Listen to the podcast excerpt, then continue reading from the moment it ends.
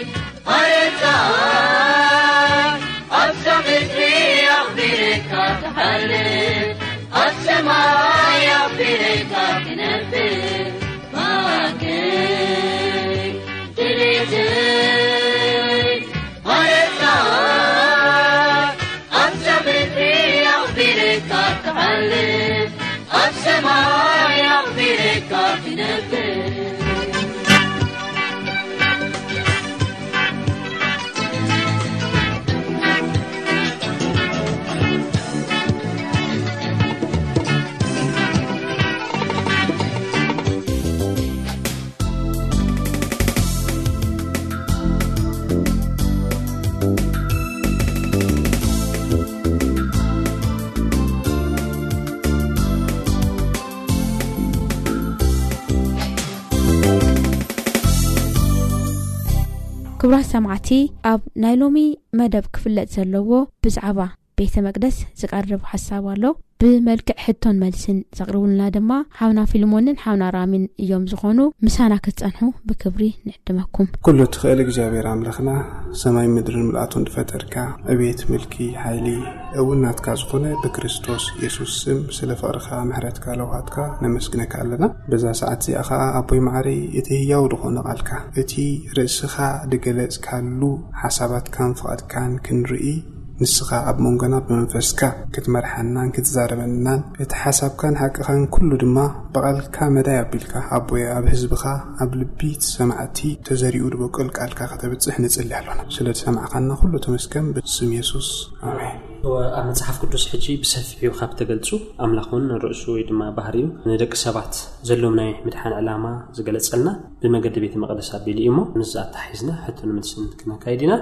እቲ ናይ መጀመርያ ሕቶ፣ ክርስቶስሲ ርእሱ ንደቀ መዛሙርቱ ብኸመይ ኣቢሉ እዩ ገሊጹሎም? ኣብ ወንጌል ዮሃንስ ምዕራፍ ዓሰርተው ኣርባዕተ ፍቕዲ ሽዱሽተ ኸም እተጻሕፈ፣ የሱስ ከኣ ኣነ መንገድን፣ ሓቅን ህይወትን እየ ብምባል ርእሱ ክገልጽ እንከሎ ንርኢ። ስለዚ የሱስ መንገድን ሓቅን ህይወትን ከም ዝኾነ ንግንዘብ ማለት እዩ። መጽሓፍ ቅዱስ መገዲ ንዝብል ቃል ንኸረድእ እንታይ ዓይነት መግለጺ ይህበሉ?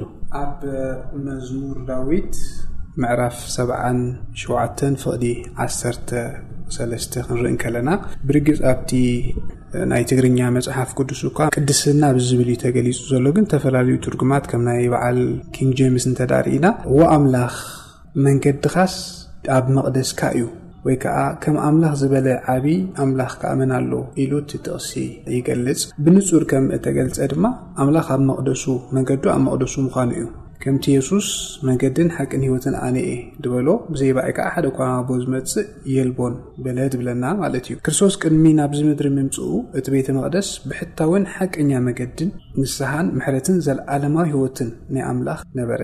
ህዝቢ ኣምላኽ ከዓ ርክቦም ምስ ፈጣሪ ወይ ከዓ ምስ ኣምላኾም ብመገዲ መቕደሱ ኣቢሉ ከም ዝነበረ ንርኢ ማለት እዩ። ሕራይ ድሕሪ ውድቀት ኣዳምን ሄዋንን ኣብ ገነት ህዝቢ ኣምላኽ ካብ እግዚኣብሔር ብኸመይ ይቅርታ ይረኽቡ ነይሮም? ዘፍጥረት ምዕራፍ ኣርባዕተ ፍቕዲ ኣርባዕተ ከም ዝገልጸልና ማለት እዩ፣ ኣቤል ከኣ ካብ በዅራት ኣባጊዑ ነቲ ሰሱብሑን ወፈየ ይብለና፣ እግዚኣብሔር ድማ ናብ ኣቤልን ናብ መስዋእቱን ረኣየ ወይ ከኣ ባህ ኢልዎ ረኣየ ይብለና። እዚ ስርዓት መስዋእቲ እንስሳታት ከም ህያብ መስዋእቲ ናብ ኣምላኽ ብሕታውን ቅቡልን መንገዲ ስርየት ሓጢኣት ነበረ፣ ካልእ መገዲ ስርየት ኣይነበረን። እዚ ሓቂ ነበረ። ከምኡ እውን ንህዝቢ ኣምላኽ መገዲ ህይወት ነበረ። ቃየል ኣብ ክንዲ እቲ ሓቀኛ መንገዲ ዝተኸተሎ ግጉይ መንገድስ እንታይ ነይሩ? ዘፍጥረት ምዕራፍ ኣርባዕተ ፍቕዲ ሰለስተ ከም ዝገልጸልና፣ ድሕሪ ገለ ወርሓት ድማ ዀነ፣ ቃየል ካብ ፍረ ምድሪ ንእግዚኣብሄር መስዋእቲ ኣምጽኣ። ቃየል ብቕንዕና ካብ ልቡ ዝገበሮ ክኸውን ይኽእል ኢዩ። ነገር ግን ባዕሉ ናይ ባዕሉ መንገዲ እዩ ነበረ። ኣብ ክንዲ እቲ ሓቀኛ መንገዲ ህይወት ምኽታል ቃኤል ናይ ግሉ ወይ ከዓ ናይ ባዕሉ ሓሳባት ካብቲ ሓሳብ ኣምላኽ ዝወፀ ናብ ኣምላኽ ክቐርበሉ ዝደለዮ መንገዲ ከም ዝነበረ ኢና ንርኢ ማለት እዩ። ስለዚ እዚ'ዩ እቲ ግጉይ መንገዲ ናይ ቃኤል ዝነበረ። ቃኤል ብናይ ገዛእ ርእሱ ገብሮ መገዲ ምኽታሉስ ስሕተቱ እንታይ ነይሩ? ምሳሌ ምዕራፍ ዓሰርተ ኣርባዕተ ቁጽሪ ዓሰርተ ክልተ እንታይ ትብል? ንሰብ ቅንዕቲ እትመስሎ መንገዲ ኣላ፣ መወዳእታኣ ግና ሞት'ዩ ይብለና ቃል ኣምላኽ። ሓጥኣን ዝወደቕናን ስለ ዝኾንና፣ ኣብ ነገር ኣምላኽ ወይ ከኣ ኣብቲ ፍቓድን ሓሳብን ኣምላኽ ንርእስና ክንእመን፣ ከም ዘይግብኣና እዩ ደርእየና ወይ ከኣ ደርድኣና። እኳ ደኣ ከም ቃኤል መታን ከይንጠፍእ መምርሒ ወይ ከኣ ሓቀኛ ዝኾነ ኣንፈት ናይ ህይወት ኣብ ቃል ኣምላኽ ወይ ከኣ ትኽክለኛ ዝኾነ መንገዲ ኣብቲ ቃል ኣምላኽ ክንውከስ ከም ዝግብኣና እዩ። ስለዚ ቃኤል ካብቲ ሓሳብ ኣምላኽ ብምውጻእ ብናይ ርእሱ ፍቓድ ክኸይድ ከሎ ንርኢ፣ እዚ ከኣ እቲ ስሕተቱ ዝነበረ ማለት እዩ ሕጂ እዚ ቃኤል ክጋገ ከሎ ኢና ንርኢ ዘለና ስሕተቱ ከምቲ ገለፅካልና እና ሕጂ ኣምላኽ ነቲ ናይ ቃኤል መገዲ ስብ ከመይ ይርእዎ ዘፍጥረት ምዕራፍ 4 ፍቕዲ 5 ከም ዝብለና ኣምላኽ ናብ ቃኤልን ናብ መስዋእቱን ግና ባህ ኢልዎ ኣይረኣየን ልዕል ኢልና ከም ዝረኣናዮ ናይ ኣቤልን ናይ ኣቤል መስዋእቲ ንኣምላኽ ባህ ደብልን ቅቡልን ነይሩ ናይ ቃኤል መስዋእቲ ግን ንኣምላኽ ባህ ደብል ኣይነበረን። ስለዚ እግዚኣብሔር ካብ ስሕተት ቃኤል እንታይ ክንመሃር ይደሊ? ቀዳማይ ሳሙኤል ምዕራፍ ዓሰርተ ሓሙሽተ ፍቕዲ ዕስራን ክልተን ከም ዝብለና ማለት እዩ እንሆ ምስማዕ ካብ መስዋእቲ ጽን ምባል ድማ ካብ ስብሒ ደዓውን ይበልጽ ይብለና። ስለዚ ቃኤል ንእግዚኣብሔር ተኣዚዙ መስዋእቲ ኣምጺኡ እዩ፣ መስዋእቱ ግና ካብ ፍረ ምድሪ እዩ። ቃኤል ብምርጭኡ ዘምጽኦ መስዋእቲ ገለ ስሕተት ነይርዎ እዩ። ምኽንያቱ ምእዛዝ፣ ምስማዕ፣ ካብ መስዋእቲ፣ ጽን ምባል ድማ ካብ ስብሒ ደዓውል ስለ ዝበልጽ ማለት እዩ። ስለምንታይ እዩ ኣምላኽሲ ንመስዋእቲ ቃኤል ዘይተቐበሎ? እንታይ ግድፈት ነይርዎ ኰይኑ እዩ? ዕብራውያን ምዕራፍ ትሽዓተ ፍቕዲ ዕስራን ክልተን፣ ኣብ ዕብራውያን ምዕራፍ ትሽዓተ ፍቕዲ ዕስራን ክልተን ከም እተጻሕፈ፣ ከምቲ ሕጊ ኣስታት ኵሉ ብደም እዩ ዚጸሪ፣ ብዘይ ምፍሳስ ደም እውን ስሬት ኣይከውንን። ከምቲ ሕጊ ኣስታት ኩሉ ብደም እዩ ዝጸሪ፣ ብዘይ ምፍሳስ ደም ውን ይቕሬታ ኣይከውንን እዩ ድብለና። ትእዛዝ ኣምላኽ ንቃኤል ኮነ ንኣቤል ግልጺ እዩ ነይሩ። ንሱ ከኣ መስዋእቲ ከቕርቡ ከለዉ እንስሳታት ክስውኡ እዩ። እቲ ዝፈስስ ደም እቲ እንስሳ ከም ናይ መስዋእቲ ስሬት ሓጢኣት ክኸውን ይኸእል ነይሩ ማለት እዩ። ስለዝስ ቃኤል ባህ ኢልዎ ደይረኣየ ማለት እግዚኣብሄር ኣብቲ ናይ ቃየል መስዋእቲ ባህ ኢልዎ ደይረኣየ ካብኡ ድማ ንሕና ክንመሃሮ ደለናስ ንእግዚኣብሄር ምእዛዝ እዩ ማለት እዩ ሓቀ ስለዚ እቲ ግድፈቱ ከም ፍቓድ ኣምላኽ ዘይኮነስ ከም ፍቓድ ርእሱ እቲ መስዋእቲ ስለ ዘቕረበ እዩ ማለት እዩ እዎ ሕጂ ከምቲ ኣቐዲምና ኣብ መእተዊና ዝሓበርናዮ ደቂ ሰባት ምስ ኣምላኽ ብኸመይ መንገዲ ክቐርቡ ከም ዝኽእሉ እዩ እቲ ፍቓድ ኣምላኽ ደርእየና። እቲ ናይ ብሉይ ኪዳን ቤተ መቕደስ ከም ተሰርሐ ክርስቶስ ዝውክል እዩ። ብዘይ ብክርስቶስ ብኻልእ መገዲ ናብ ኣምላኽ ደቂ ሰባት ክቐርቡ ኣይክእሉን እዮም ነይሮም። ወላ እኳ ብመገዲ ጽሑፍ ማለት ንኣዳም እግዚኣብሔር ብጽሑፍ መንገዲ ድሃቦ ነገር እንተደይ ሃለወ ካብቲ ኣቤልን ቃኤልን ድገበርዎ እግዚኣብሔር ኢንፎርም ወይ ከኣ መምርሒ ድሃቦ ከም ዝኾነ ንርዳእ ኢና። ካብዚ ተበጊሶም ድማ እዮም መስዋእቲ ኣቕሪቦም። ግን መስዋእቲ ከቕርቡ እንከለዉ ኣቤልን ቃየልን እቲ ሓደ ከምቲ ፍቓድ ኣምላኽ ብደም እቲ ገንሸል ርእሱ ምስ ኣምላኽ ብስርየት ወይ ከኣ ዕርቂ ክገብር ከሎ ክንርኢ ከለና ቃየል ድማ ፍረ ምድሪ እዩ ሒዙ መጺኡ። ፍረ ምድሪ ግን ደም ምፍሳስ ስለ ዘይብሉ ከምቲ ቃል ኣምላኽ ዝብለና ድማ እዚ ከኣ እቲ ዘለኣለማዊ ሓሳብ ኣምላኽ እውን ስለ ዝኾነ ብዘይ ምፍሳስ ደም ስርየት ክረክብ ኣይከኣለን። ስለዚ እዩ መስዋእቲ ቃየል ኣብ ቅድሚ እግዚኣብሄር ቅቡል ክኸውን ዘይከኣለ። ፍቓድን ሓሳብን ኣምላኽ ዝወጸ እውን ኾነ ማለት እዩ። ሕራይ ጽቡቕ። ንሕድገት ሓጢኣት ዝፈስስ ደምሲ ኣዝዩ ኣገዳሲ ዝኾነሉ ምኽንያት እንታይ እዩ? ኣብ ዮሃንስ ወንጌል ምዕራፍ ሓደ ፍቕዲ ዕስራን ትሽዓተን ከምዚ ይብለና፣ ንጽባሒቱ ዮሃንስ ንየሱስ ናብኡ ክመጽእ ከሎ ረኣዮ እሞ፣ እንሆ ሓጢኣት ዓለም ዘርሕቕ ገንሸል ኣምላኽ በለ። ህዝቢ ኣምላኽ ኣድላይነት ናይቲ ንመስዋእቲ ዝቐርብ ገንሸል ምእንቲ ስርየት ዝፈስስ ደምን ኣጸቢቖም ይፈልጡ ነይሮም እዮም። ምስ ምፍሳስ ደም እቲ ገንሸል ከኣ፣ ሞት እውን ኣገዳሲ እዩ። እቶም መስዋእቲ ዝቐርቡ ዝነበሩ እንስሳታት ከኣ ነቲ ሓቀኛ መስዋእቲ፣ ንሱ ኸኣ ጐይታና የሱስ ክርስቶስ የመላኽቱ ነበሩ። ስርዓት መስዋእቲ ግዝያውን ጽላሎትን ምእንቲ ሓጢኣት ኵላ ዓለም እዩ የሱስ ዝሞተ እዮም ዝብሉ ነይሮም ማለት እዩ። ከምቲ ሓደ ዘማሪ ዝበሎ ሓጢኣተይ ብምንታይ ክሓጽቦ ይኽእል ብደም ክርስቶስ ጥራይ። ነዚ እዩ እቲ ደም ድማ ምፍሳሱ ኣገዳሲ ዝነበረ ማለት እዩ።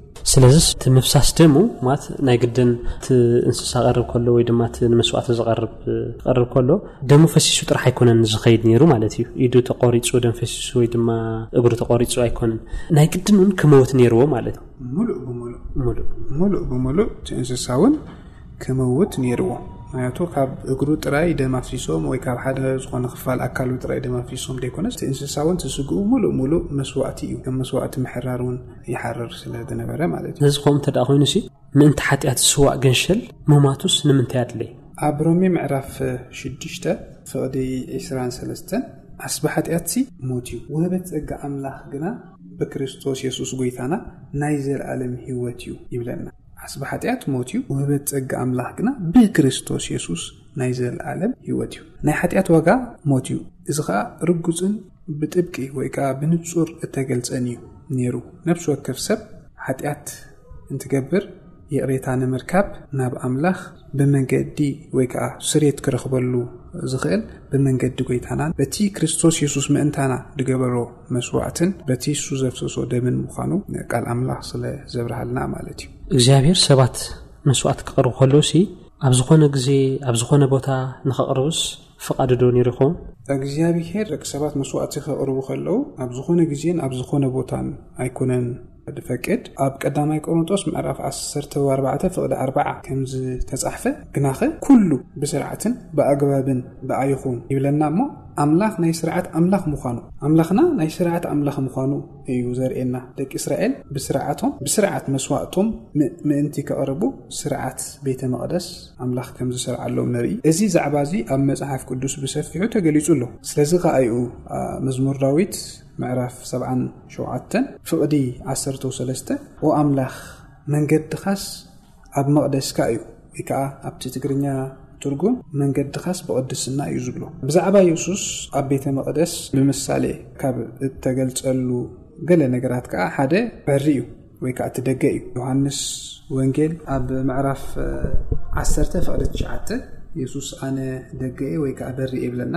ኣብ ዮሃንስ ወንጌል ካልኣይ ድማ ኣብ ዮሃንስ ወንጌል ምዕራፍ ሓደ ፍቕዲ ዕስራን ትሽዓተን እቲ ኣብቲ ቤተ መቕደስ ድስዋዕ ዝነበረ ገንሸል ክርስቶስ ምዃኑ የሱስ ገንሸል ምዃኑ ተጻሒፍልና ንርእዮ። ብተወሳኺ ከም ሳልሳይ ክንጠቕሶ ንኽእል ድማ ኣብ ዕብራውያን ምዕራፍ ሸሞንተ ካብ ሓደ ክሳዕ ክልተ ዘለዎ ጥቕሲ እንተ ርኢና፣ የሱስ ሊቀ ካህንና ምዃኑ፣ እዚ ኸኣ እቶም ኣብቲ ብሉይ ኪዳን ወይ ከኣ ኣብቲ ቤተ መቕደስ ኣምላኽ ዘገልግሉ ዝነበሩ ካህናት ኰኑ፣ ሊቀ ካህናት ንክርስቶስ ዝውክል ስላዊ ወይ ከኣ ጽላሎት ስርዓት ከም ዝነበረ ኢና ንርኢ። ስለዚ ኵሉ ንናይ ገዛእ ርእሱ ስርዓት ስለ ዝነበሮ፣ ከምቲ ኣቐዲምና ዘንበብናዮ ኣብ ቀዳማይ ቆርንቶስ ምዕራፍ ዓሰርተ ኣርባዕተ ፍቕዲ ኣርብዓ፣ ኩሉ ግናኸ ኩሉ ብስርዓትን ብኣግባብን ደኣ ክኸውን ከም ዝግብኦ እዩ ቃል ኣምላኽ ዝዛረበና ማለት እዩ። ሕራይ ሓውና ራሚ እግዚኣብሔር ኣብዚሑ ይባርኽካ። ክብራት ሰማዕቲ ንዘለኩም መጽሓፍ ቅዱሳዊ ዝኾነ ሕቶ ናብ ዓለም ለኸ ሬድዮ ኣድቨንቲስት ድምጺ ተስፋ ንኹሉ ሰብ ቁጽሪ ሳንዱቅ ፖስታ ሚእትን ኣርብዓን ሓሙሽተን ኣዲስ ኣበባ ኢትዮጵያ ወይ ድማ ቁጽሪ ስልኪ ዜሮ ሓደ ሓደ ሓሙሽተ ሓምሳን ሓደ